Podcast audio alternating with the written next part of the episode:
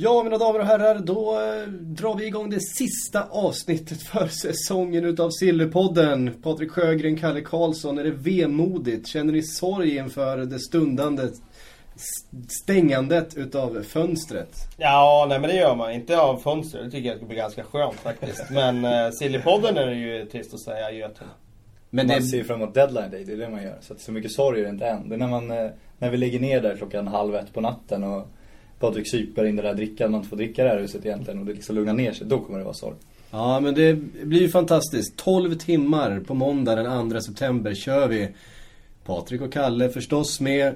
Jag finns någonstans där i bakgrunden och vi har eh, Niva och Leifby och Bank och ja alla ni kan tänka er. Sundin, vi Ja, rubbet. Um, men det som vi upplever nu, det är någon, en början på något vi nästan får kalla en deadline weekend. För visst har det tagit en helt sanslös fart på ryktesmarknaden de här senaste två dagarna inför helgen för att det måste bli klart idag. Annars är det deadline day transfer som gäller. Och vi vet ju alla hur galet det är på den sista dagen. Um, och vi kan väl börja i England. Eto'o klar igår. Som en del i Willian-affären. Det kan man ju se som ett ganska hyfsat körsbär på, på bakelsen. Ja, få han I gratis. I sådana fall. Få han gratis är ju såklart bingo. Och nu får ju Mourinho in den anfallaren som den anfallstyp han vill ha. En som både gör mål och som jobbar hårt för laget. Jag tror det är precis den typen av spelare han vill ha. Och Ja, vi får se vad som händer nu med Torres eller bara någon, någon av dem kommer ju förmodligen att försvinna. Sen Kanske det, båda? Ja, precis. Torres lön tror jag är få klubbar som är beredda att ta. Så jag tror att är risk för han att han blir kvar som tredje anfallare bakom Lukaku och Eto'o. Eh, ba tror jag att de har lättare att skicka iväg och att Newcastle skulle ta tillbaka honom på ett lån till exempel. Det håller jag inte som otroligt. Mm. Äh, sen kan man ju säga om Eto'o också, just apropå lön, att anledningen till att han är gratis är ju att de får pynta rätt saftig lön för honom. Så att det... Håller han sin lön från Anchi? Nej, och då har han ändå gått ner 10 miljoner pund om året. När han tar den nya lönen här på 7 miljoner pund i Chelsea. Ja. Så att eh, 7 miljoner euro är det nog. Men det är väl där man kan räkna in övergångssumman också. För det är en säsong, Precis. det är 7 miljoner euro. Så att det är ju det de betalar för honom. Sen hade väl Eto'o fått en årslön i förskott utav Anchi och det var väl prat om att den skulle betalas tillbaks. Så att han skulle få betala någonstans i runda slängar en, ja, en 170 miljoner för att få lämna klubben. Ja, stackarn, eh, vi, vet inte riktigt hur, vi vet inte riktigt hur, hur pengar har bytt händer i den här affären men det sägs i alla fall någon sorts nästan symbolisk summa på 2 miljoner euro för Samuel Eto'o. Det låter ju väldigt billigt.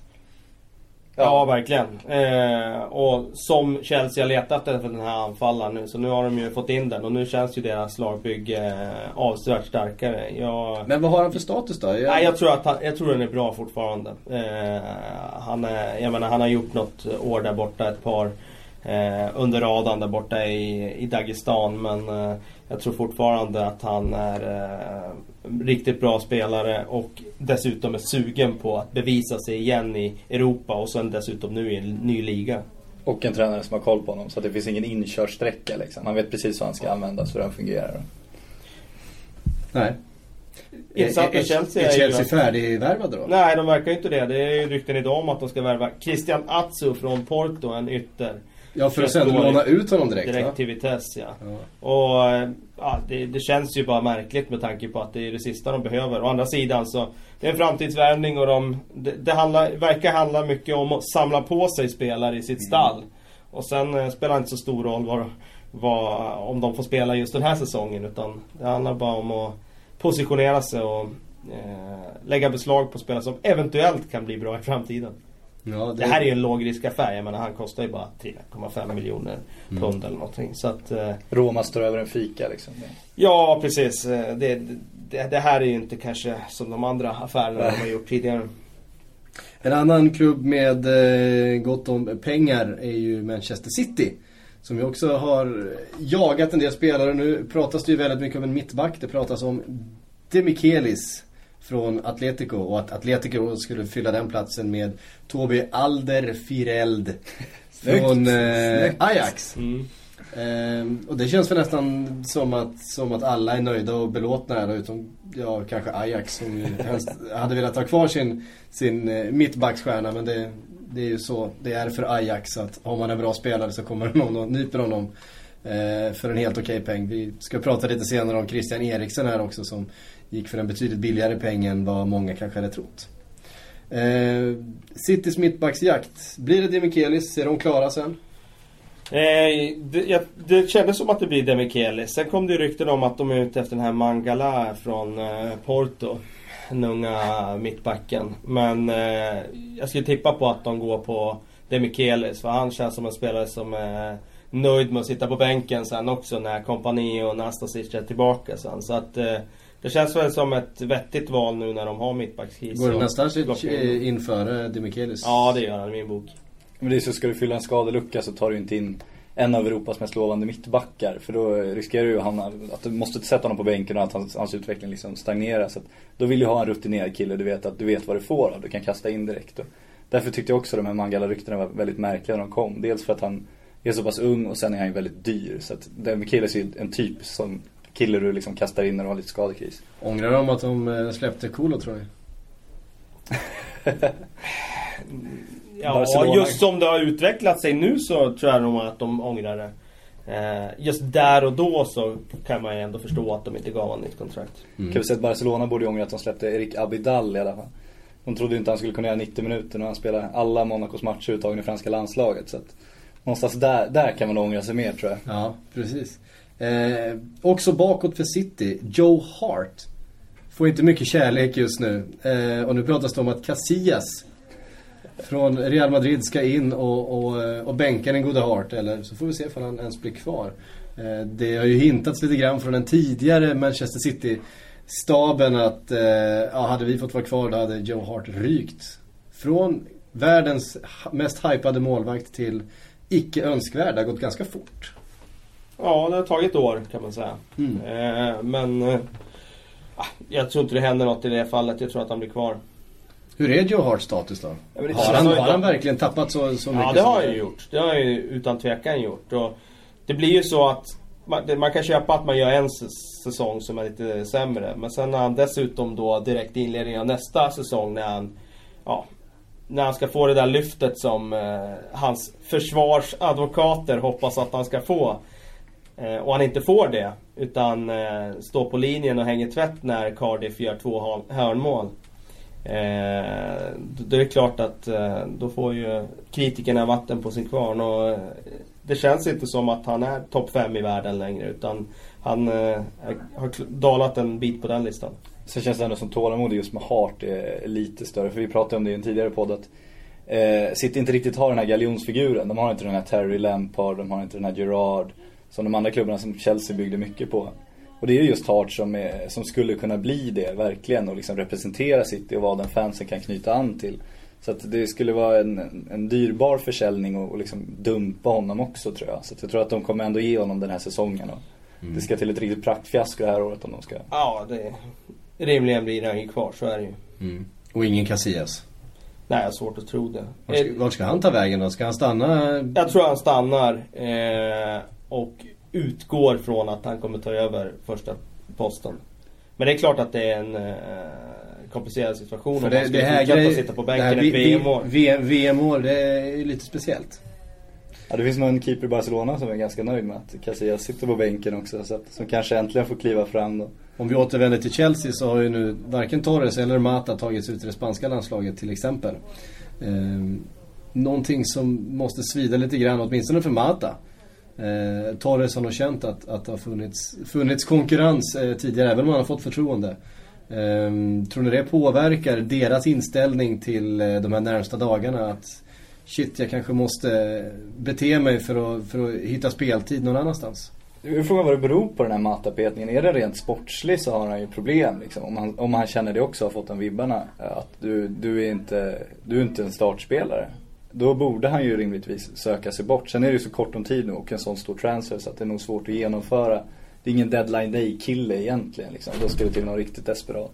Däremot så kan det öppna för januarifönstret kan ju bli något extra även i år då med tanke på att det är VM och det finns såna här spelare som kanske behöver speltid framåt våren för att ta en VM-plats. Precis. Så vi kan göra reklam för det redan nu. Ja, Deadline date sista Precis, för, för eh, även om det här är sista poddavsnittet för den här säsongen så är vi förstås tillbaks i december och januari och, och pratar transfers igen. Det, Ja. det ser vi fram emot. Eh, om vi rör oss från... Eh, Ska jag tro du raggar en Chelsea- sponsor till januari nu också? då? Det har gått så bra det där. ja, vi ska, vi, vi ska försöka lösa en sponsor. Det, det tycker jag känns rimligt. Chelsea och City i all ära. Manchester United har ju också pengarna, har ju anseendet, har ju Champions League-platsen, har ju allt det där. Men har förtvivlat svårt att få loss några spelare. De, lägger ut krokar och bud eh, lite varstans men inte mycket som biter. Nu senast ett bud på Fellaini och Baines för 36 miljoner pund blev nekat. Förväntas ett nytt bud eh, under fredagen här eller möjligtvis i helgen. Och kommer det i helgen och då pratar vi deadline day eftersom det inte blir några affärer gjorda på helgen på det sättet. Um, vad tror ni om United? Det börjar det bli lite desperat? Ja, det verkar ju desperat för att uh, nu har ju eh, de bekräftat, Athletic Bilbao, att, uh, att de har lagt bud på Ander Herrera. Uh, som har en utköpsklausul på 36 miljoner euro. Och de har nobbat det budet som skulle ha legat runt 27. Eh, och jag tycker det låter desperat att man går på en sån spelare. Det är en jätteskicklig, spelskicklig eh, innermittfältare men jag vet inte om han är värd så pass mycket pengar eh, så att han är värd runt 30 miljoner euro. För det känns som en uppgradering av Tom Cleverley. Men jag tycker inte det är en uppgradering som är värd 30 miljoner euro. Det är ingen Sir Alex-affär eller? Jag tycker de har hamnat i en märklig sits nu direkt där i. Sir Alex var ju liksom killen som scoutade sönder spelare kändes det som. Och nu hugger de på allt helt plötsligt. Hade Fellaini Baines varit klart om Sir Alex hade varit kvar? Jag tror att någon annan hade, det- känslan var nu att det känns som de trodde att de hade Thiago Alcantara. Det, det är känslan. Sen kom Bayern München in med Pep och då, eh, då, liksom, då hade de ett, ett trumfkort där som United inte kunde matcha. Och då hamnade de snett. Sen gick de på käsk då i någon slags ren desperation. För det, vi satt ju redan första dagen när det riktigt kom och satt. Det finns ju inte en suck att Barcelona släpper Fabregas. Det vore ju otroligt märkligt. Och det gjorde de inte heller. Och sen dess har de ju hamnat i en, en väldigt märklig sits. Därför är det ju intressant att det idag då Corriere della Sera rapporterar att Daniele De Rossi ska ha sagt nej till United. De ska ha lagt ett bud på 12 miljoner euro som Roma ska ha accepterat. Men han själv sa nej eh, till att flytta. Eh, så om de nu har lagt bud på Daniele De Rossi, Ander Herrera och sen har du Fellaini-grejen så det är ju klart att ja, nu har vi hamnat i ett läge där de svingar vilt. Mm. Eh, ett lag som väldigt sällan svingar vilt och som inte gör det nu heller är ju Arsenal. Eh, otrolig stiltje på, på transfermarknaden eh, den här sommaren. Nu pratas det om Joshua, nu ska vi se så jag säger rätt här. Joshua Guilavogui. Etienne. Ja det där uttalet eh, kan jag ta kritik, Jag det var kan, kan, där. kan jag Jag ta kritik för så ut, utan att skämmas för det var Precis sådär. jag hörde det själv. Eh, däremot tror jag inte jag gör det bättre än andra gång. Från eh, Saint Etienne. Vad, eh, vad, hur mycket kan han förstärka ett Arsenal i ett desperat behov av förstärkningar? Eh, han är en defensiv mittfältare och sådana behöver de ju. Sen är ju frågan om han är tillräckligt bra för att gå in och förstärka Arsenal direkt. Jag har satt ett frågetecken där. Eh, jag har inte sett honom tillräckligt för att veta eh, om han är redo för Premier League. Men eh, jag sätter ändå ett frågetecken för spelare som eh, som kommer från franska ligan och har varit bra på, si, på sin eh, domän men som ska ta det här klivet upp. Vi hade till exempel Alou Diarra som var, hade otroligt hög status i Frankrike. Jag menar vilka avtryck han gjort i West Ham? Inga alls. Och nu är han ja, tyvärr då dessutom skadad för resten av säsongen. Men förra säsongen så platsade han ju inte ens där. Så att eh, ingen garanti för att man eh, är bra i Frankrike för att man går in i Premier League. Och att, att en spelare från Saint Etienne skulle gå in och förstärka Arsenal direkt. Det, ja, jag är tveksam. De är i ett intressant läge Arsenal tycker jag. För de, de var ju tre förra året och de har en trupp som är nästan bättre än deras rykte känns det som. För de har så pass bra spelare som behöver ju jättebra spelare för att göra laget bättre. Problemet är att deras rykte nu av någon anledning har ju sjunkit så mycket så att de inte kan få de spelarna. Så de här spelarna under, de behöver ju inte dem egentligen liksom. Nej, det, det är en korrekt analys. Alltså, det, ja, det, alltså, det är det jag känner också. Alltså, de behöver spetsvärvningar. Liksom. Just nu när de hamnar i den här situationen, då behöver de ju bredd såklart. Men på grund de, av skador? Då, ja, på grund av skadeläget och sådär. Men om man tittar på hur det såg ut inför den här silly season i början av sommaren. Då tänkte man ju att de behöver ett par spetsspelare. Ja. Och de skulle ju ta dem upp till en nivå som skulle kunna utmana om ligatiteln. Men mm. De har svårt. En Suarez som de ju faktiskt ja. verkligen försökte. Ja. Eh, det som är intressant då, det är ju som många frågar om här inför den här inspelningen. Det är ju det här, det snackas om att de vill lägga 40 miljoner pund på en tysk landslagsspelare. Och vem det kan vara. Jag, jag utgår från att det är Özil som det har snackats om som eh, att de ska vara ute efter. Men eh, det som skedde idag då med att eh, Schalke värvar Kevin Prince Boateng. Nu bara kommer jag på att tänka på Julian Draxler. Mm. Men jag har svårt att tro att, eh, att, eh, att det blir av med så här kort tid kvar av fönstret. Jag tror inte det. Mm. Nej, och sen fick de in Flamini. Från, från, från Milan. En jättevärvning idag ja. men en, en värvning som de eh, har blivit lite hånade för men ändå en ganska logisk Eh, ja absolut. Värvning, jag menar en gratisvärvning och de behöver bredda så att det är väl bra att få in honom. Mm. Ja det tycker jag också är bra. Sen har de ju en Alans idag. Ja de har en idag. Ja, trumfkorten nu. Vem är det som är tillbaka? Ja, jag, kan, jag, jag, kan, jag, jag drar det här citatet ordagrant från, jag översatt då från, från um, Wenger. Om Bentner. Chansen att han säljs nu är väldigt liten. Om han kommer tillbaka och kommer i form kommer jag spela honom. Bentner är ju ett jättefiasko för Arsenal med tanke på att de signat ett femårskontrakt med honom. Eh, och vad har de fått ut från det femårskontraktet sen de signade? I princip ingenting. Eh, alltså, i, i det här fallet, om man skulle komma tillbaka nu och de inte hittar en klubb för honom. Det skulle ju vara ett dunderfiasko. Eh, för att han är ju inte på något sätt egentligen i Arsene Wengers planer utan det skulle ju vara ja, okej okay då. Det var ingen klubb som ville hugga honom. Ja, han får väl ta den sista tröttplatsen här och så får vi se om han får några spelminuter i ligacupen. Ja. Han la ju upp en så bra bild på Instagram också. Han hade fotat av sitt Arsenal träningsställ.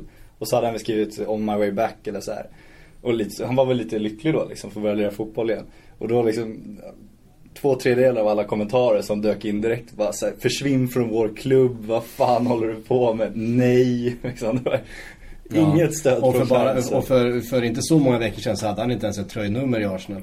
Så att, ja. eh, nu hade han väl 52 eller något tror jag, så det var väl på den nivån. Ja, så att han är ju inte on top of den the food chain i den, i den truppen. Den gode dansken har ju ganska bra självförtroende. Men man kan ja. tänka sig att det faktiskt har fått sig en törn den här sommaren. För han pratade ju lite i början av sommaren om att det var storklubbar som var ute efter ja. honom. Mm. Och då undrar man om det var storklubbar som var ute efter honom varför han inte har skrivit på för någon av dessa. Utan sanningen är nog den att eh, det är helt enkelt så att det är ingen som vill ha Niklas Bentner. Nej. Och det var ju en tränare, en eh, tysk tränare i veckan, nu minns jag inte vem, som sa varför han inte värvar Bentner. Nej, jag minns inte när han gjorde sitt senaste mål. Nej. Och det, det säger ju en hel del. Det, det var ju ingen succé i Juventus eh, kan vi lätt Nej, konstatera. Men han borde ju bara alltså, dra till Holland, ta ett år och liksom bygga upp det. det, är, alltså, det han har ju talang killen. Det är bara att hans ego inte inte på samma nivå som hans talang riktigt. Så att, men hade han hade varit lite realistisk och gjort ett bra klubbval så hade han kunnat haft en, liksom en bra karriär. Det är ingen snack om den saken. Nu blir det ju bara att folk skrattar åt honom. Det stora mönster, mönstereleven på den här eh, silly season, sommar, den här season eh, säsongen, nu blir det säsong två gånger. Ja, det är, är ju Tottenham. Ja. Och nu pratas det om ännu fler spelare in. Det är framförallt då Christian Eriksen från eh, Ajax. Det känns dock lite, jag vet inte, det känns som de, de ryckte väl Eriksen redan förra sommaren tror jag. Men, men Eriksen valde att stanna i Holland ett år till. Och han känns ju absolut inte som deras första val nu. Det var ju inte han som skulle ersätta Gareth Bale liksom. Så att jag tror att det är, vi har varit inne på det också, att det är lite av en chansning känns som. Man, man vet inte riktigt vart Eriksen står. Jag tror inte de heller riktigt vet vart Eriksen står. Jag tror att Eriksen lever mycket fortfarande på den där otroliga landslagsinsatsen mm. han gjorde mot England när han var 17 år. Och det är ju så i dessa tider att eh, det lever kvar och så kollar folk på YouTube-klipp från sådana matcher och så mm. tror man eh, och lever i förvissningen att spelaren eh, presterar så på den nivån. Men faktum är, jag tycker att han har stagnerat. Och, och ganska många klubbar har ju visat intresse men precis, tackat nej. Men inte ja. tagit steget att värva honom. Och Och det, det tyder ju på någonting, att man tvivlar på men det är väl här engelska scoutningen. Eng, engelsmän ser ju bara Englands landslag. Det är där de mm. värderar spelare. Zlatan blev ju känd först när han gjorde de där fyra målen. De visste inte vem han var innan. Liksom. Nu är det ju för sig Franco Baldini som rattar ja. Tottenham. Och jag mm. tror att han har rätt bra koll på marknaden, uppenbarligen. Ja, jo, jag tror också Baldini, att de engelska Baldini känns som en helt okej värvning. Ja, det är ju en av de bästa värvningarna i det här transferfönstret får man ju säga för Tottenhams del. Med tanke mm. på hur hur, med vilken effektivitet de har sytt ihop eh, värvningarna som. Så är man lite spänd på den här rumänska försvararen måste man säga. Nu kommer jag inte ihåg exakt hans Vlad namn. Kriches. Kriches. Men om man läser på lite så är det väldigt goda vitsord. Det är liksom ja. den här största rumänska försvarstalangen sedan ja, 94-laget pratar om. Så det ska bli jäkligt intressant tycker jag. Ja, då har han alltså större försvarstalang än Christian Kivu. Det är, det är, ju, det är stort. Eh, det låter lovande. Eh, han är ju en väldigt offensiv försvarare. Så att eh, han är ju en sån, typ lite Daniel Agger typ. Han tar gärna fram bollen i plan. Och eh, alltså mm. följer gärna med upp i anfallen och har ett ruskigt bra skott. Mm. Ändå gått Barcelona scouter förbi alltså. Ja. Ändå gått Barcelona scouter förbi. Sen så ska vi återigen lägga till det där att med scouting så tillkommer en väldigt massa annat. Jag tror det var Erik som skrev ett dokument om om det här hur man tittar på attityder och man tittar ja. på väldigt mycket mer än bara fotbollskunskaper. Om man har ett system, om man har en grupp, om man behöver en viss typ av, av eh, människa, en viss typ av spelare och ett visst typ av taktisk skola. Det är ganska mycket mer än, än vem som har snyggast YouTube-collage som eh, avgör vart, vem som hamnar vart. Den som är bäst på eh, football manager, eller vill han inte så? Ja, precis. Klassiker. För eh, Eriksen själv placerade sig ju nästan själv både i Dortmund, Liverpool och Milan i början på den här sommaren. Men ingen av de tre klubbarna eh, han såg som någon sorts reservalternativet till Mkhitaryan där i början. Okej, okay, den som inte tar, får Mkhitaryan kan ta Eriksen. Eh, men så blev det ingenting av det. Men, det känns men, det, men, mål. Det men, men ändå, tillhör, han tillhör den här fantastiska 92-generationen. Eh, många 92-or, Neymar, Isco, Eriksen, eh, Lamela och så vidare. Eh, så förstås väldigt ung och eh, intressant. Eh, Liverpool har ju heller inte gjort no några storaffärer den här sommaren men eh, är aktiva i alla fall om man ska tro på ryktena. Eh, och det är ju Sako från eh, PSG det ryktas väldigt mycket om och eh, Portos mittback Ilori. Porto ska sälja Sporting, Sporting, Sporting Lissabon. Ja, ja, precis. Det verkar ju bli han. Nu rapporterar Record i Portugal om att eh, i princip är klart. Och eh, jag brukar ha för vana att när de lokala medierna mm. eller medierna i deras hemland rapporterar, då brukar det vara större trovärdighet. Så att jag skulle gissa på att de signar honom. Ja, det är väl en, eh, ja, en grundprincip. Lokal media är alltid bättre. Ja, Ofta. Vi har ju pratat om trovärdighet tidigare någon gång och, och är man ute efter trovärdighet så är det ju lokalmedierna som, som har de bästa ingångarna, som har eh, de närmaste kontakterna till, eh, till klubbarna. Så... så kan man väl säga om Sacco också. Det känns som det är många som vill ha honom men PSG vill ju uppenbarligen inte sälja utan de vill låna ut honom. Han är ju en en klubbikon där närmast trots sin unga ålder och de hoppas ju mycket på honom för framtiden. Så de vill ju inte släppa honom helt. Och de behöver inte direkt pengarna. Nej exakt. Så att, så att, och då det slutar är... väl med att det blir så säkert. Ja men då är det väl inte en klubb som Liverpool som lånar honom. För de vill ju snarare liksom Ja de vill ju inte hjälpa någon annan klubb att bygga deras spelare. Så desperat behov känns det ju inte så. Mm. Eh, det pratas också om en ganska stor affär i alla fall. Jarmolenko från Dynamo Kiev. Eh, har ryktats en hel del de senaste dagarna. En spelare som de flesta kanske inte, jag bland annat, inte har speciellt bra koll på. Men spelade ju mot Sverige i EM eh, förra året. Eh, har nummer 9 i landslaget, 23 år gammal. Eh, Var ju väldigt bra mot Sverige i den matchen. Sen om man är värd de här 20 miljoner euro det pratas om. Det sätter jag ett frågetecken för. Och sen är det ju också så att eh, spelare från öststaterna har väldigt svårt att acklimatisera sig i England. Så att eh, Ja, jag, jag är tveksam till, eh, till om det är rätt spelare. Av den anledningen. Inte just talangmässigt har han ju definitivt kvaliteterna men eh, att han skulle liksom trivas i England och det, det sätter jag större tveksamhet till. Jag är tveksam till hela ryktet också. Det känns som det har varit många saker kring det där som inte har stämt. Det var något Twitterkonto där han skulle ha skrivit någonting och det var ett fake-konto. Och det har varit många sådana pusselbitar som har känts lite fishy. Som och kanske ändå gör tidningarna då säger ja men det är något på gång. Vi, vi rider vidare på stormen några dagar till. Och allt det där sammantaget gör att man kanske känner att, att det inte finns så mycket bakom det egentligen. Och sen det här att en ukrainsk spelare till ett engelskt lag och ryktet kommer från en italiensk tidning. Ja. Om vi nu pratar om trovärdighet och lokalmedia så är ju inte Sky Italia eh, lokalmedia i Ukraina eh, ganska långt ifrån. Och sen har vi pratat Linn och, och, och östspelare just och det, det är inte de de desperata värvningar man vill göra sista dagen, de vill man ju som sagt spionera lite på och kolla vilka de hänger med på stan och vad de äter och, och inte en klubb som behöver några pengar. Nej. Att det finns eh, gott om, gott om pengar eh, i den klubben. Om vi rör oss ner eh, mot, eh, på kontinenten och ner till Italien. Eh, Juventus släpper Matri till Milan. Ja, och det bör ju betyda att Fabio Caugarella då blir kvar. För jag har svårt att säga att de skulle släppa båda dem. Eh, jag tycker, vi har ju pratat om det tidigare just med Matri. Jag tycker att den är lite märklig. Med tanke på att det är inte där framme Milan kanske i första hand bör förstärka. Men de har ju en tendens att de, de köper hellre spelare som, som syns och gör målen och förstärker försvaret. Och det är tragiskt hos en nostalgiker, en nostalgiker som eh, minns de fina backlinjerna som Milan har haft genom åren. Jag menar de är kända för, för att ha backlinjer som eh, tillhör Europatoppen. Och det har de ju knappast idag. Men de gillar väl de här halvbra italienska anfallarna. Det är de som kommer till Milan också. Det är Gilardino, det är Borriello. Pazzini. Och Pazzini och de snurrar ju på dem liksom. Så det är väl någonting, eh, just det där. I England gillar man engelsmän, i Italien gillar man italienare. Så behöver inte vara super, super bra. Det räcker att du är tillräckligt bra och italiensk och anfallare så blir det ju liksom ett, ett bra namn att, att visa upp för fansen också. Det är väl också en sanning. Ska vi säga en till grej om Matri kanske? Som jag läser nu. Galliani, the signing of Matri reminds me of Inzaghi's arrival in 2001. Försöka bygga hypen lite ja, kanske. Precis. Men i Milan så händer det ju helt andra saker också. Det är helt andra. Det är ju väldigt närbesläktat. Och det pratas ju om återkomsten av Kaká. Och eh, försäljningen utav Kevin Prince Boateng. Ja, klar för Schalke. Klar för Schalke. Ja, det var lite det oväntat. väldigt märkligt. Den, har vi inte, den, den har ju passerat helt under radarn. Ja, det får man säga. Eh, det snackades ju om att de ville göra sig av med Boateng ändå. Och det är förmodligen för att de ska göra några löneutrymme för, no för någon annan måste man ju utgå. För om de inte fyller den luckan är det en otroligt märklig försäljning så här sent på fönstret också.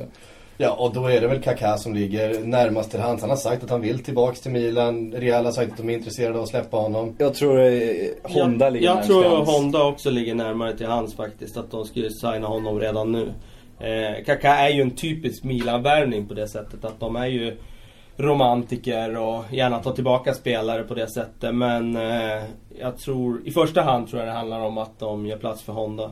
Och sen kan man säga Kaká, det har varit snack om att han ska gå två somrar i rad nu. Alltså det här blir tredje sommaren. Och Real vill ju sälja honom. Problemet är att Kaká har ju en av världens bästa löner. Och det finns ju inte en klubb i världen som betalar Kaká de pengarna nu. Och han har ju visat nu sommar och vinter, varje transferfönster att han, han kommer inte gå ner i lön. Det är, så enkelt är det. Han, han flörtade med Milan för ett par somrar sedan men då blev det ingenting för han, han kommer inte inte sänka den lönen för att gå till Milan. Och att de skulle betala honom den lönen är fullständigt otänkbart. Fast det var precis vad eh, rapporten idag sa. Eh, och det är han, eh, skvallertanten Tancredi Palmieri ja. som, som uttalar sig om precis allt och alla hela tiden. Som sa sig ha någon sorts information om att Kaká nu skulle vara beredd att sänka sin lön eh, för att få återvända till eh, Men Milan. Varför skulle han ju vara det helt plötsligt nu och varför så här sista dagarna? För, ja, för att han har panik och det, då sätter jag ett frågetecken kring hans, eh, jag menar, hans agerande. För jag menar, det kunde han väl ha kommit med det i början av sommaren så hade det varit klart sedan länge sedan. Ja. Eh, nu har han väl förmodligen insett att oj, det var ingen klubb nej, som ville betala den här lönen. Så att nu, nu är jag plötsligt beredd att gå ner. Och ja. ja. Det är om man ska lira VM då. Men då tycker jag, jag, jag tycker att det är märkligt alltså. Jag har ja. svårt att tro att Milan tar tillbaka honom. I så fall tror jag att han... Tar han, till en... tar han plats? Ja, det skulle, av romantiska skäl skulle han ta plats. Och jag tycker fortfarande att han är bra. Det är inga snack om det. Men jag tror att den logiska affären nu hade ju varit jag tänkte, till, jag, tänkte till, jag tänkte till VM faktiskt. Nej, det tror jag nej, inte. Har han något att spela nej, för nej, där nej, nej, nej, Det tror jag inte han gör.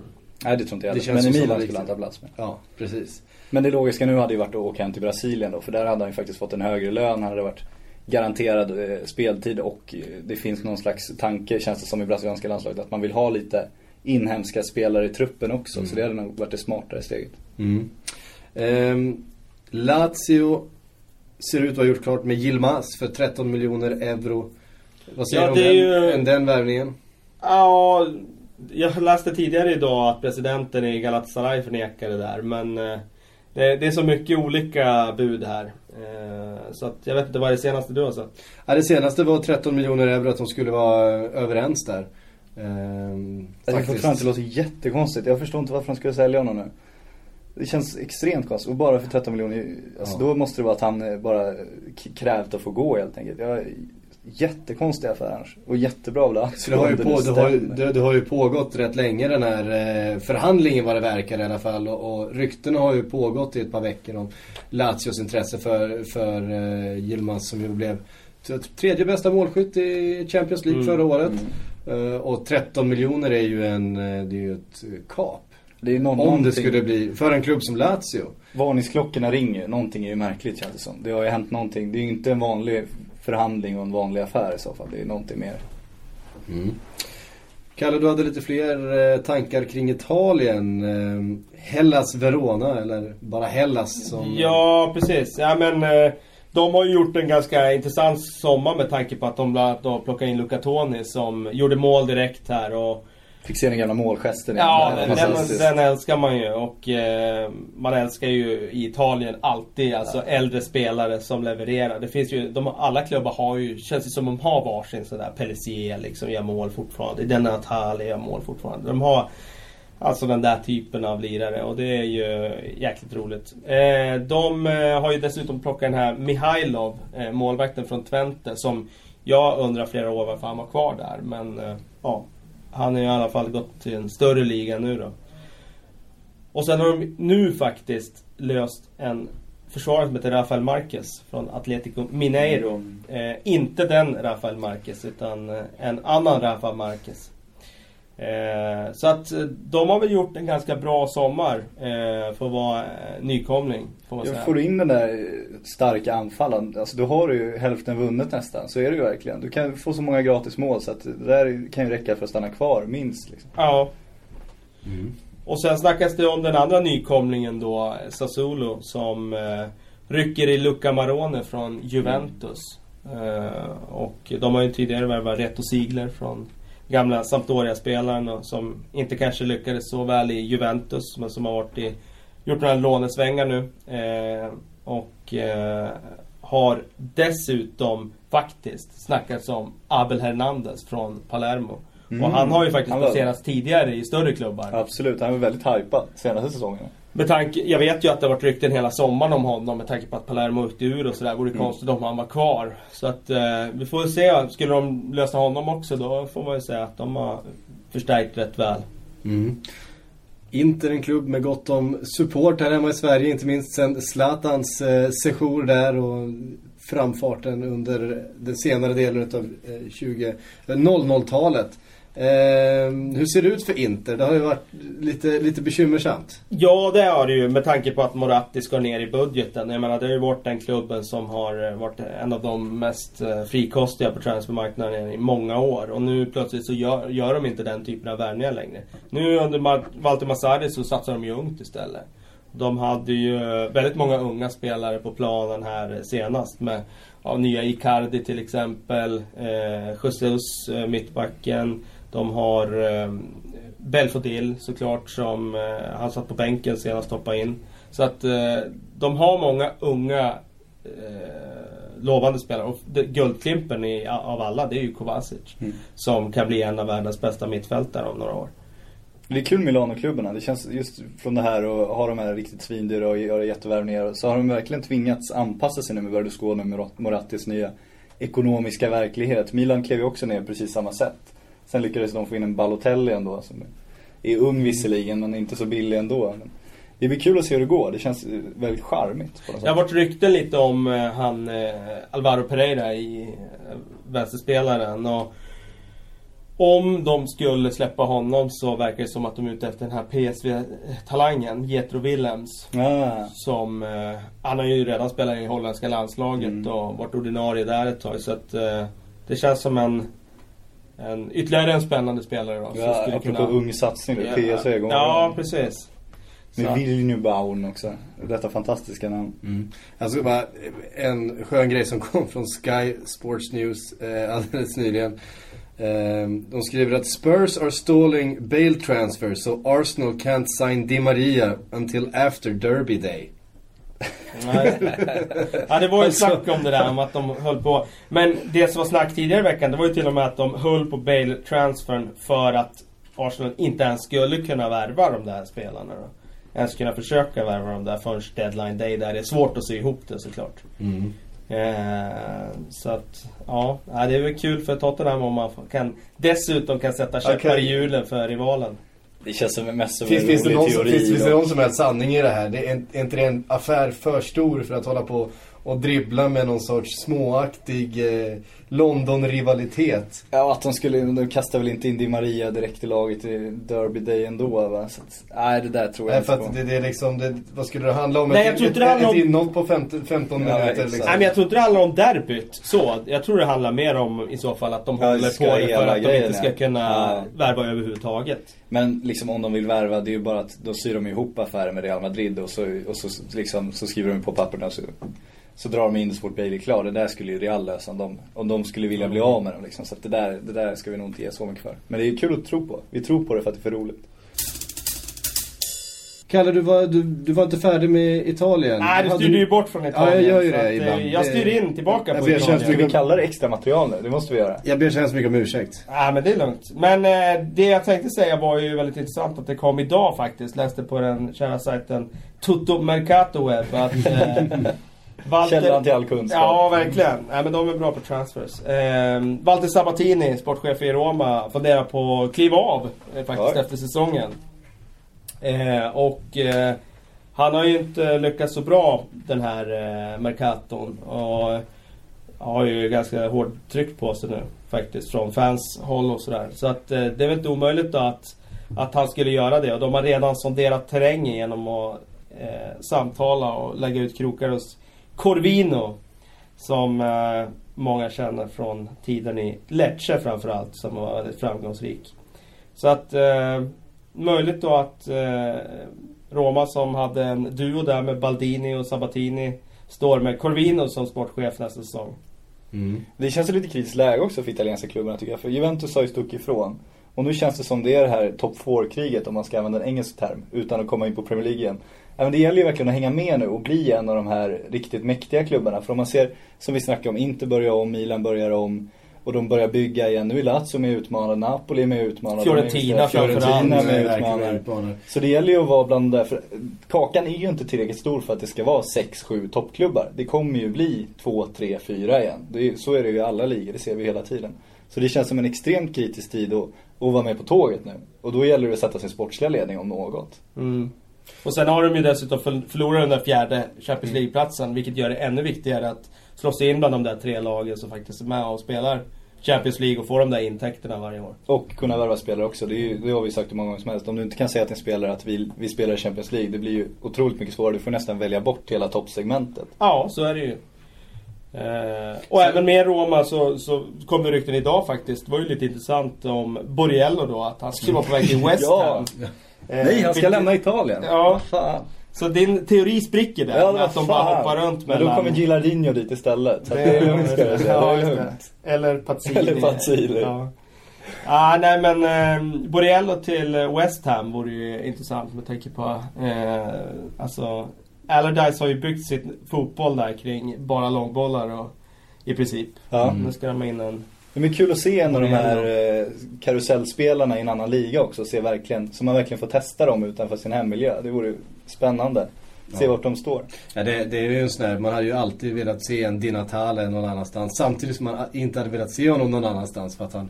Nej, han ska ju vara i- han, han, ska, han, ska, han, ska, han han ska ju vara där. Samtidigt så, så är han ju en, en fotbollsbegåvning som man hade velat, man velat slänga in honom bara liksom för några matcher i en, eh, en Bundesliga eller en Premier League och bara liksom fan, hur, Ja, men- hur, hur, hade han, hur, han hade antagligen löst det alldeles utmärkt. Men... Eh, Det är samma han De så Rossi, fenomenal. samma Totti hade man gärna, bara, det är klart de ska vara kvar i sina klubbar, det är ju det absolut vackraste. Men som du säger, bara, kan vi inte bara låna ut dem ett par månader då så vi får se Bara test- bara testa hur liksom. dominanta de skulle vara. Ja. Absolut. Och det kan jag ändå tycka att, att en, att en Totti har vi ändå fått se i de här stora matcherna med Roma ute i Europa och sådär. En Di Natale har vi inte riktigt fått, eh, Nej. fått, fått, fått se mot det absolut bästa motståndet i världen. Förutom matcherna eh, mot de italienska toppklubbarna då förstås. där han ju har varit väldigt bra. Och där kan vi ju komma in på Udinese faktiskt för att eh, de missar ju Europa League nu. Riktigt mm. fiasko. Eh, tränaren Gudolin, han tog ju på sig det. Han eh, tyckte att de gick bort sig i första matchen där de försökte vinna istället för att spela på resultat redan då. Eh, de valde bort den italienska vägen. Ja, det är precis. Så att där kommer det säkert hända en del grejer. De är ju en sån där klubb som samlar på sig väldigt mycket spelare och eh, sen skeppar iväg. Mm. Och nu kommer de inte ha något Europaspel då. Eh, så att eh, det finns väl säkert en del att plocka där. Ja, det sades väl redan innan att om de inte går dit så kommer de banta. Ja. Ett fantastiskt scouting-nätverk ju. Ja, det får man säga. Så att eh, vi får se vad som, vad som händer där. Mm. Är det ett problem tror ni att det finns som sagt bara tre Champions League-platser. Champions League innebär väldigt mycket pengar. Eh, Juventus har den är en utav dem, det kan vi vara säkra på. Är det ett problem att de andra två nu inte är Inter och Milan vad det verkar som, som har lagt de stora pengarna utan snarare eh, Napoli och Fiorentina? Det är ju kul tycker jag att det blir lite snurr på det där så att det inte blir den där, det där segmentet som har eh, prenumeration på de där CL-platserna. Eh, samtidigt så blir det ett problem för ligan på det sättet att det inte växer fram de här stormakterna som kan värva in spelare till ligan. Eh, alltså Inter och Milan har ju inte den dragningskraften. Och även om Fiorentina spelar Champions League säger vi om något år. Även om eh, Napoli spelar Champions League så har ju inte de den där dragningskraften så de kan värva de allra största spelarna för det. Utan eh, det är ju bara Inter och Milan och Juventus som har det. Hur ser ni för, om potentialen då för ett eh, Fiorentina eller Napoli att slå sig in som ett, en riktig storklubb? Ja men den finns ju definitivt. Jag menar nu har Fiorentina gjort det, det mesta rätt här under ett par år under Montella. Och eh, nu har de ju faktiskt ett superlag. Mm. Och om de missar topp tre eh, i år så ser jag det som en missräkning. Så pass bra är ju laget. Men man ser också att de inte riktigt rent statusmässigt är där. Om man ser på en Jajic till exempel som ändå säljs till Roma, en så direkt konkurrent där. Där ser man att det fortfarande finns vissa statusskillnader. Men håller, dörren är ju öppen nu. Det är nu, om de börjar plocka de här CL-platserna och prenumerera på dem, då är de ju om väldigt, väldigt snabbt. Och då, när du väl får de här CL-platserna, håller du den flera år i rad, då ökar ju avståndet drastiskt och snabbt till de nedanför. Så är det Så det är nu det gäller att hänga på. Mm. Där kan man ju fråga sig då, som Lajic då. Eh, hade han varit nöjd med att sitta på bänken i Juventus? Mm. Ja, förmodligen hade han kanske varit det. Men han är inte nöjd med att sitta på bänken och inte vara första val i Fiorentina. Mm. Så det är ju där de behöver, ja, statusmässigt behöver de bli eh, bättre. Mm. Eh, om vi tittar på de här, om vi bortser då från de absolut största värvningarna i då, eh, Napoli och Fiorentina. Vem, vem har gjort den bästa värvningen om vi ja, bortser från en Higuain till exempel? Någon som överraskar? No, hur, hur, hur, kan, hur, hur kan en Dries Martens lyckas i, i Serie A? ah, det, det, det, vet jag Det är ju det är ingen, absolut ingen garanti att han lyckas. Eh, så det, det är jag osäker på. Eh, Albiol ska bli intressant att se. Eh, jättebra försvarare en gång i tiden i Valencia. Eh, men komma till Italien där spelet är extremt taktiskt och sådär. Det är inte så himla enkelt som försvarare. Man brukar säga att det är svårt för en anfallare. Men jag tror inte det är så enkelt som försvarare heller. Så att det ska bli intressant att se. Jag sätter ingen garanti där heller riktigt att han levererar från start. Mm. Jag vill se Napoli-satsningen nu. Och de, nu har de ju fått resurser helt plötsligt för att kunna bli en sån där topp 4-klubb och hålla sig kvar där. Och det är en så charmig förening om man får kalla det förening. Så det vore kul om de verkligen hamna där uppe och kunde hålla sig där. Det är fortfarande ryktas, eh, rykten om spelare in där i Napoli då. De eh, rycker ju Maxim Gonalon från Lyon. En eh, skicklig mittfältare. Mm. Som... Eh, ja, jag, jag, tycker i och för sig att det där mittfältet är rätt så bra. Så att eh, ja, de har ju ändå Berami, Inler, eh, Jamaili. Eh, så jag tycker de ser ganska starka ut där. Jag tycker inte att Gonalon är en så pass eh, bra förbättring så att han är värd 13 miljoner euro. Men eh, ja, uppenbarligen tycker ju Benitez det. Så att, eh, han brukar gilla att värva också. Han, han, han har ju en historia av att plocka in väldigt mycket spelare. Eh, det är väl lite italienskt också, fylla sin trupp till bredden och sen börja låna ut. Det är mm. inte ja. helt ovanligt i det landet. Sälja andelar och... Ja, exakt. Och byta mm. lite. Och Milan och Genova, jag vet inte hur många affärer de gjort de senaste åren. Sinnessjukt mycket. Kommer de lyckas då? Kommer, kommer projekt Benitez vara en framgång för, eh, för Napoli? de har ju pengar från, från Cavani-affären.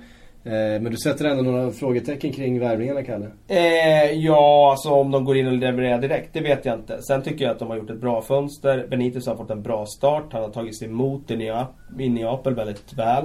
Eh, så att han har ju fått precis den eh, inledningen för att eh, ja, liksom satsningen ska få eh, fart. Liksom. Så att, eh, nej, jag tror definitivt att de kommer vara med och hugga om topp tre. Det är jag helt övertygad om.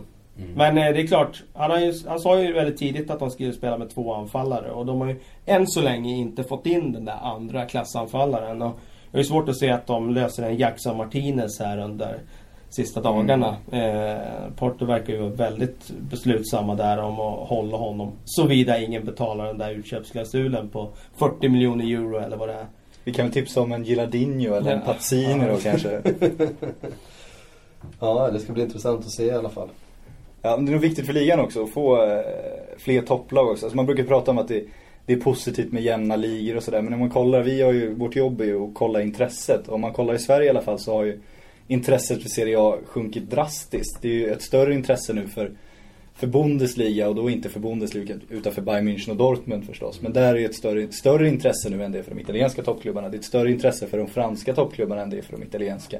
Och för England och Spanien. Jag tror att det där med franska kan ha lite att göra med Zlatan. Det men... tror jag också. Men, men, även Monaco har ju skapat sig stort intresse för att de har ju köpt sådana så stjärnor nu och sånt, sånt så gillar man ju att se ändå. Mm. Så att det är viktigt för ligan att verkligen trots allt, alltså även fast det minskar konkurrensen att det är tråkigt av sportsliga skäl så tror jag att det är viktigt intressemässigt att de får några topplag igen som verkligen kan ta in de här stjärnorna och, och göra det liksom sexigare igen. Lite mer lättsmält även för, för den mindre intresserade åskådaren.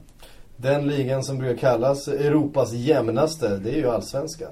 Ja, där har vi fått en stor transfer. Och där har vi fått en, en transfer nu eh, på slutet utav, utav fönstret. Tokelo Rantie, pratar väl om 31 miljoner om jag inte minns helt fel. Men det, det anmärkningsvärda är ju att han går från Malmö FF. För om man kollar den här allsvenska listan, eh, topp 10 dyraste försäljningarna, då, då, läser man ju Malmö FF hela tiden. Mm. Och det är ju osannolikt nästan hur de sålt. Och nu förut talade man om att det är Hasse Borg, han är, han är allsvenskans bästa förhandlare och han, det är han som får upp de här summorna. Men nu är inte Hasse Borg kvar, nu är det Per Ågen som sitter där och drar i trådarna. Och de fortsätter att bara lasta in miljoner. Men jag börjar fundera på det där om det där sitter lite i klubben. Alltså att de som förhandlar med Malmö mm. eh, också känner att vi förhandlar med en klubb som, okej, okay, de har sålt de här spelarna mm. förut. Det här kommer inte bli jättebilligt liksom. Redan där. Och sen att den klubben kan säga då att, ja men eh, Rosenberg kostar så här mycket. Ja. Eh, Afonso Alves kostar så här mycket. Men Ranti, han är mycket bättre. Ja. Mm. Eh, då ska vi ha minst det här. Eh, ja, det, men... det, är liksom den eh, alltså förhandlings eh, alltså, triumfkortet de har som gör att de liksom kan följa upp det hela tiden. Absolut, samtidigt kan de inte säga att, att liksom, men titta det gick jättebra för Afonso Alves, titta det gick jättebra Nej. för Rosenberg. Så, så det, det, är ändå, okej okay, Zlatan har de som ett bra exempel såklart. Men de är ändå, det är inte så att de har byggt sin status på att deras spelare drar och sen blir liksom succéer. Ändå lyckas de hålla uppe priserna. Det är, men jag tror absolut att det du säger, det sitter lite i klubbväggarna. Att ringer man Malmö FF så, så blir det dyrt. Sen har de kanske inte varit nöjda heller. Många allsvenska klubbar känns som att oj, får vi 15 miljoner för vår bästa spelare? Nu är vi jättenöjda.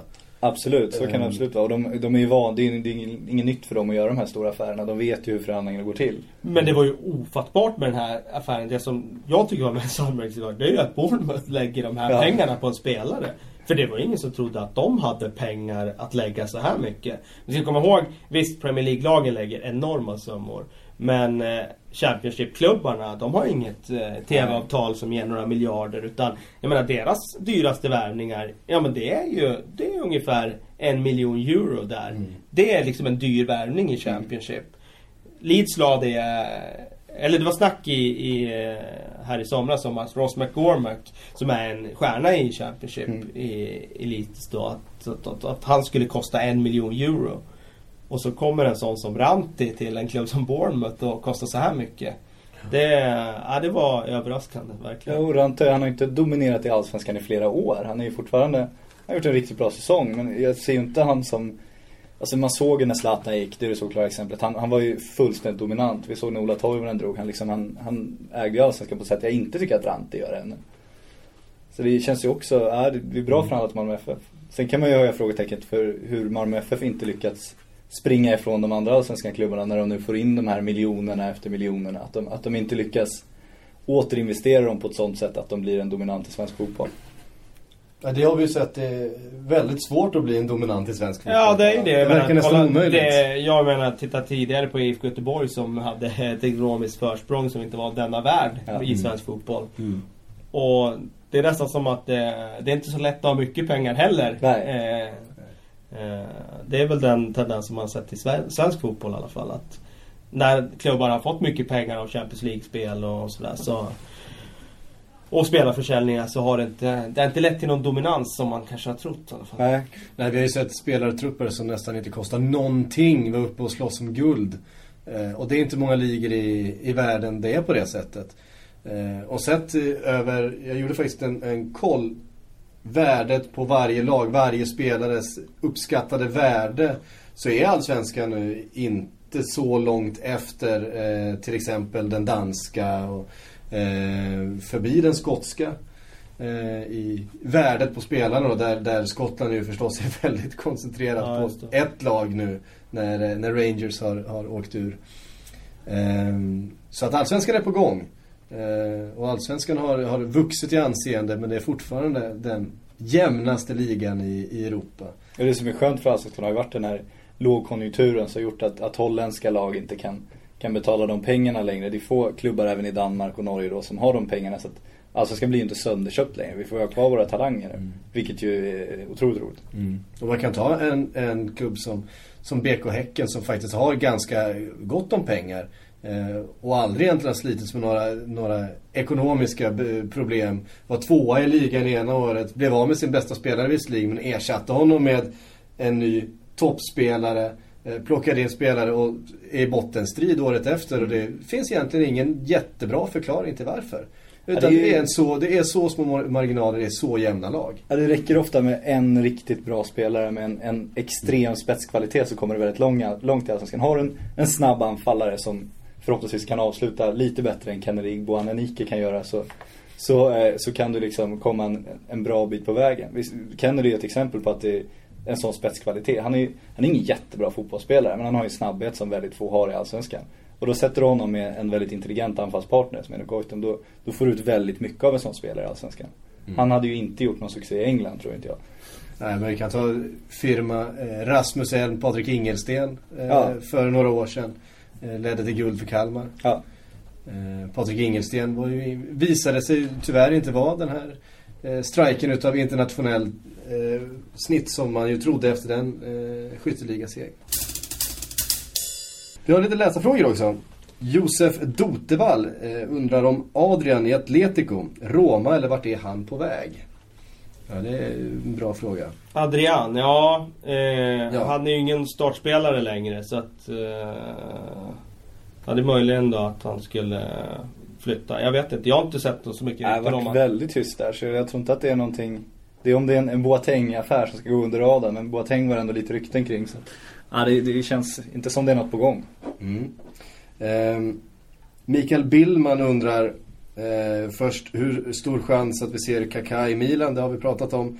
Han undrar också, rykten säger att Spurs ska lägga eh, ut klausul på Greisman. Vad tror vi om den? Det tror jag inte. Det är möjligt, alltså det skulle vara väldigt eh, bra om de gjorde det men... Eh, eh det känns som de har plockat på sig tillräckligt med spelare nu för att göra något mer. Just nu. Eh, men sen i framtiden vet man inte vad som händer. Är de färdigvärvade Tottenham? Och de ska Ja, det ha in den här Eriksson spelartypen om det nu blir honom Sen är det ju klart, det måste man Det väl som säga det. En striker? Ja, det snackas ju om Adebayor nu. Det ryktas ju till och med om Adebayor till Schalke, vilket var intressant. Jag tror ju inte på det, utan jag tror att Schalke nöjer sig med att lösa Kevin Prince Boateng där. Eh, men det är klart, skulle Adebayor försvinna, vilket säkert Tottenham skulle jubla över för att han har en hög lön. Så då behövs det ju en striker in där och det är klart, då kanske de ska ha en till då. Mm. Det har ju snackats om Javier Hernandez där faktiskt från Manchester United. Ja. Det har ju ryktats om det. Men eh, jag har svårt att se att de skulle lösa honom. Mm. Sen bara en kommentar här. Nu verkar det som Bentner blir kvar i, i Arsenal. Det har ju ryktats lite grann om Bentner till Crystal Palace. Tillsammans med eh, Joey Barton. Och då har Sebastian Einarsson kommit med den lysande spaningen att eh, jävla vilken grym julfest jag skulle kunna bli. Alltså in med Peter Crouch bara så att han ska dansa genom billuck, den här takluckan i bilen också. Sen, sen är det den optimala julfesten det där. Sen är vi hemma. Precis. Fantastiskt. Den tyska eh, marknaden brukar ju faktiskt, till skillnad från den, den brittiska och italienska, stanna av lite grann på slutet. De brukar göra sådana affärer tidigt. Men Schalke värvar Boateng. Som sagt, det ryktas om eh, eh, Adebayor.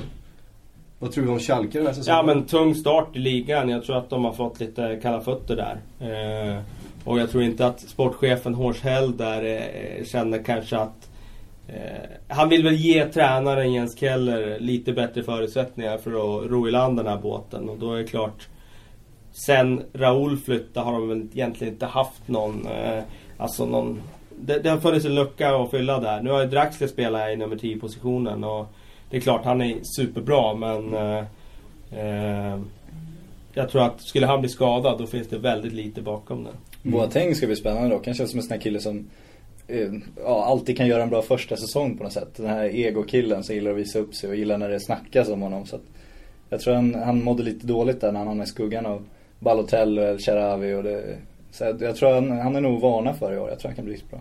Mm. Eh, till sista minuten, eh, sista minuten rykte och det skulle vara att Everton har lagt bud på McCarthy. Ja, det är ju troligt då om, om eh, de skulle släppa Fellaini. Att de går på James McCarthy då.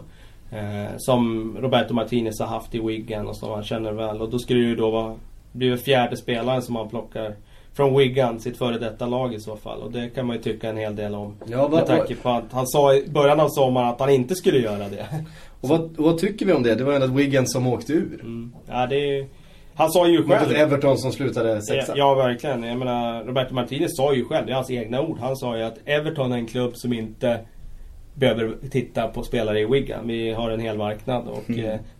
Det han antydde var ju att vi är på en annan nivå. Vi värvar spelare från en annan nivå. Men ja, nu har han värvat tre och det kan bli en fjärde. Mm. David Moyes kände väl någonstans att han inte behövde titta på spelare i Everton heller. Men sen kommer det till en situation där han, där han inte har någon att titta på. Det, ja. mm. Vad är det för källa på den då, Syk? Måste vi fråga. Eh, ja, vad var det för källa på den? Eh, bläddrar jag bort den? Eh, källkontrollen och kritiken. Käll, källkritiken. Det, det är så tråkigt. Befintlig. Det är så tråkigt. Befintlig. Men då kan jag sticka in med ett annat eh, Bundesliga då. Och det är ju det här. Det snackades tidigare om. Jag vet inte om det var helt klart. Men det verkar väldigt nära i alla fall. Med ett byte mellan Eh, La Soga i, i Hertha Berlin och Skjellbredd i eh, Hamburg. Eh, Persiljan. Ja, precis. Ja. Exakt. Eh, Lasoga är lite av en personlig favorit. En riktig power forward. Som... Eh, han, han boxar och brottas en del i straffområdet. Jag gillade ju Kjellberg tidigare men det känns inte som att han blommade ut i det man trodde riktigt. Det pratas... Eh, det är många lag som har investerat mycket i sina mittfält den här sommaren. Vi har sett några överfulla. Ett av dem är Tottenham. Ett, ett gäng överfulla. Ett gäng överfulla och nu pratas det om en utlåning utav eh, Sigurdsson och Holtby. Och Holtby, vil, ja. vilka klubbar skulle det vara intressant för att, att låna in? Vilka hål skulle kan de kunna fylla? Kan inte Bayern, Chelsea och Tottenham bara göra ett farmarlag med sina mittfältare? Det skulle ju vara liksom en ny CL2 typ så här. Kasta in Mata, Holtby och vad fan, lira på nu. Ja, Holtby spelade ju igår i Europa League och var bra där. Eh, men jag har inte blivit så imponerad av det han har presterat hittills i England. Så att det är ju många klubbar som skulle kunna bli aktuella för honom. Han, eh, det är ju, eh, alltså, jag tycker inte han håller den nivån så att han ska till någon toppklubb. Utan han, det kan ju vara vilket mittenlag som helst. Mm. Eh, han och Bentner kan dela bil då? Ja, typ. Ja, kanske få skjutsa Vodden Winge, vad vet han? Martin Örmgård frågar Kanske kan ta upp vilka spelare utom Suarez och Rooney som är mest missnöjda med att inte ha bytt klubb. Lewandowski var ju mest missnöjd tills de köpte hans lycka och tripplade hans lön. Jag tänkte testa det med min chef sen. Tänkte gå in och bara, jag känner inte att min lön motsvarar mina insatser riktigt och se om man kan få det här erbjudandet. Ja, men, ja, vi tripplar den. Bara, bara i år. Så jag skulle, gå gratis sen. Jag, jag skulle inte råda dig till det. På. Nej, okej. Okay, nej. Vi får se. Jag ska känna lite på tempen på hans där ute. Ja, och hur är det där med att, att spela med en så kallad missnöjd spelare? Någon som faktiskt hade eh, hoppet och drömmarna någon annanstans än i klubben de faktiskt befinner sig. Historiskt sett så har det ju gått väldigt bra får man säga. Det tydligaste exemplet är väl Carlos Tevez som, som liksom, han lämnar landet, han skiter fullständigt i klubben. Han åker hem och spelar golf och ställer upp på bilder och, och de eh, stänger av honom, de, han strejkar, de drar hans lön, han kräver tillbaka sin lön. Och, och så helt plötsligt, ja nu är allt glömt, du lirar. Och så samma Carlos Tevez igen. Så jag tror att de här spelarna har sådana eh, sinnessjuka egon så att de, eh, de inser till slut att vad som är bäst för dem och då, då lirar de ju hellre inför 50 000 pers varje vecka och gör mål och tjänar sina pengar än att stå vid sidan om gnäller, tjänar inga pengar och liksom blir bortglömda. Så att jag tror att det, de såren läks ganska snabbt tror jag. Mm. Eh, en klubb som vi inte har pratat sådär jättemycket om ändå den här sommaren är ju Barcelona. Eh, hur tror ni deras tankar går inför de här sista dagarna och inför eh, deadline day? Ja, det går väl som de har gjort eh, en längre tid nu. Det är ju den där mittbackslösningen som ska in. Och vem det är, det är lite svårt att säga vem det väl blir. De har ju påryckt på ganska många spelare. Men eh, i övrigt känns ju truppen komplett. Alltså de alltså, behöver inte ha in något annat. Ja, det känns spännande för första gången på några år känns det som de har en bänk som är, alltså som det blir, blir riktigt problematiskt för tränaren nu för en gång. Vi såg ju senast nu i Supercup-finalen där så var Iniesta bänka till exempel. Och då tänker man, ja men nu är det någon reserv inne, men det är det ju inte direkt liksom. Då är det ju Fabregas som är inne och svingar. Han tycker jag har börjat säsongen bra. Så att det känns som mittfältet nu är riktigt bra. De hade Pedro på bänken också som inte haft någon bra säsongstart men som jag håller väldigt, väldigt högt egentligen. Och eh, sen har de Alexis till höger som, eh, alltså så det känns extremt spännande. Det känns som att man har en helt annan bredd i år. Men det är just backlinjen där de inte har någon bredd överhuvudtaget. Och det är där det här Abidal, ja, det är fortfarande märkligt att de inte höll kvar honom. Dels för att de gjorde hela den här, eh, när han var sjuk och alla ställde upp och det blev liksom en, en stor PR-grej av det hela som de tjänar väldigt mycket på om man ska vara cynisk också. Och då hade man ju tjänat på att liksom behålla honom och behålla den, den ikonen. Och då släpper de honom då enligt hörsägen då för att de tror att han, han kommer inte klara 90 minuter. Han, han, han är slut rent fysiskt och så bara jätteimponerade Monaco och spelar varje minut med landslaget igen. Det här är ett stort misstag tycker jag. Mm. Nu har vi tre dagar kvar här. Eh, det är en hel del affärer som ska göras, vad det verkar. Vad, vad är drömvärvningen för er eh, de här sista dagarna? Vad tror ni kommer hända? Vad hoppas ni kommer hända? Jag hoppas att Bale blir klar så fort som möjligt och utlöser en form av dominoeffekt så att det blir ja, riktig rock'n'roll sista dagen. Det vore mm. häftigt. Det är mycket som tyder på att det blir en av de mest, mer spek spektakulära deadline-dagarna eh, någonsin. Vi har ett Arsenal till exempel som ju i en skadesituation. Lukas Podolski rapporteras borta i över tre månader nu. Det var ju kanske inte direkt vad eh, Arsenal behövde. Eh, har ju faktiskt nästan svårt att få ihop fullt lag. Det är lite så här korp, korpproblem på det kan jag tycka. Ring Hasse, vi, vi är en kort.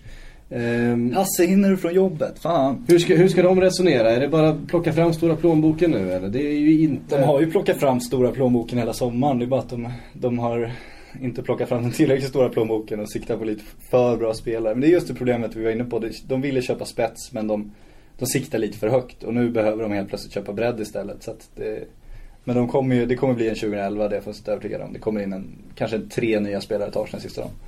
Mm. Men det är ju kul bara att vi har liksom, den största affären i historien är inte klar. Och det är fredag när vi spelar in det här och det ska vara klart på måndag. Det, det säger en del om vad som kommer hända på måndag. Ja, vi har ju skämtat om det tidigare hur, hur Tottenham och Daniel Levy alltid gör sin, sina affärer sista dagen. Hur han drar saker in i deadline day eh, mode på något sätt. Och nu ser han ut att ha gjort det med Bale också. En affär som ska ha varit klar i, i flera veckor. Och den bara drar ut på tiden och alla undrar vad det är som händer och vad är det som... Ja, ja, ju... Snart står vi där i en deadline day med, med Tottenham i en, i en jätteaffär. Ja, man får ju hylla Erik Nivan då. Han, han sa för några veckor sedan när, när William var klar och eh, Bale var klar för Real Madrid, trodde alla. Då säger ju Erik då, ja men William, jag har fortfarande svårt att tro på det. Jag skaffar en William-frisyr om det blir klart. Han försvinner och så sitter han och säger om Gareth Bale, ja ah, Daniel Levy kommer dra ut på det här till allra sista minuten. Och nu sitter vi här i fredag, det är några dagar kvar och Gareth ja. Bale är inte klar. Nej. Och, en korrekt analys får man säga. Ja, det, det, får man verkligen säga. Vad säger Gareth Bale om allt det här? Han måste ju vara dunderfrustrerad. Ja, men det är ju såklart. Det, det är därför han har skippat träningar och Nu har han ju tagit till de där grejerna som som i och för sig Niva sa att han inte skulle ta ja. till. Eh, och som man kanske inte heller som man kanske inte heller trodde att han skulle ta till. För han har ju varit en exemplarisk mönsterelev eh, under sin tid i Tottenham. Och en sån där spelare som en tränare älskar att ha i laget. Men eh, nu har det ju gått så långt så att han är uppenbarligen då beredd på att eh, ta till de här grejerna som Robbie Savage har eh, tipsat oss om att det går att ta till. Precis. Ja, men det man kan tycka, jag tycker det, det känns lite onödigt alltihop. Tottenham hade ju kunnat släppa honom för liksom ett världsrekordbud. De hade kunnat skilja som vänner, hade kunnat eventuellt återvända tillbaks. De hade liksom fått det här, Tottenham hade, de hade sett jättesnygga ut i den här affären. Nu helt plötsligt känns det som det blir lite småaktigt och sniket utan att ha alla kort på bordet. Så det känns, det känns bara onödigt alltihop tycker jag. Bara för att vända på de sista slantarna liksom. Någonstans tycker jag att man ändå kan nöja sig med någon miljard liksom. Mm. Nu håller Kalle på att riva hela väggen här också. Ja, kan man inte nöja sig med, med en miljard? jo, det är klart man kan göra det. Det kommer de att göra också. Det har jag trott hela tiden och det är helt övertygad finns det, Finns det någon som helst möjlighet att det här inte blir av? Att, att, att, att vi får en rapport på måndag så communication has broken down between Real and uh, Tottenham. Det vore ju jäkligt kul med tanke på att uh, i princip alla räknar med att det ska bli klart eh, att Tottenham har värvat så mycket spelare för att täcka upp för Bale. Om man skulle stanna, ja men då framstår ju de plötsligt som en titelkandidat. Så är det ju faktiskt. Eh, nu tror jag ju den risken är väldigt liten. Men, eh... men undrar hur deras ekonomi skulle se ut också. För känslan är ju verkligen att de har spenderat Bale-pengar ja, på sina nyförvärv. Så är det ju. Och, och det vore ju spännande. Sen skulle det vara kul också om det då, om den kraschar sådär vid 12 på dagen. Om man får önska sig ett perfekt scenario här. Så att Real Madrid ska kasta sig ut med med några timmar kvar på att få in sin Galactico då som inte ska vara Bale. Det hade varit jäkligt spännande. Ja, det, då finns det ju ett namn som kommer ganska snabbt i hand så det är Luis Suarez. Ja, ja, då blir det väl Luis Suarez. Eller Wayne Rooney. Eller Wayne Rooney, ja. Hur som helst så kommer det bli en otroligt spännande måndag. Absolut. Eh, klockan 12 kör vi igång. Eh, men som sagt, den här helgen kan vara absolut värt att hålla ett extra öga på bloggen också. För att det kommer ryktas, det kommer smälla även under lördagen och söndagen här, det kan ni vara så säkra på. Ehm, och egentligen så finns det inte så mycket mer att tillägga. Följ oss på, på Twitter och så vidare och framförallt Deadline Day. Vi stör, sätter igång live-chatten. När sätter vi igång Patrik? Du, jag sätter igång redan på morgonen. Jag skulle gissa att vi, ja, nio var det väl förra året tror jag om jag inte minns Jag tror att det är var ännu tidigare. Men det kör hela dagen chatt och sen från 12 på dagen kickar vi igång tvn och så kör vi till minst midnatt. Vi får se hur länge vi minst midnatt håller igång. kan vi lova. Ja, absolut. Um, och så kan vi tisa lite grann om att det här med podd är någonting som vi har fått smak för och kommer fortsätta även eh, efter silly season tar slut. Exakt vad podden kommer heta, eh, att vi kommer prata lite Premier League är väl ingen, ingen hemlighet. Eh, men det kan vi i alla fall eh, hinta om att håll ögon och öron öppna så dyker vi upp i en eh, hörlur nära dig snart igen. Med det så tackar vi för oss för den här säsongen. Vi som har pratat idag heter Kalle Karlsson, Patrik Sjögren och jag heter Patrik Syk. Tack!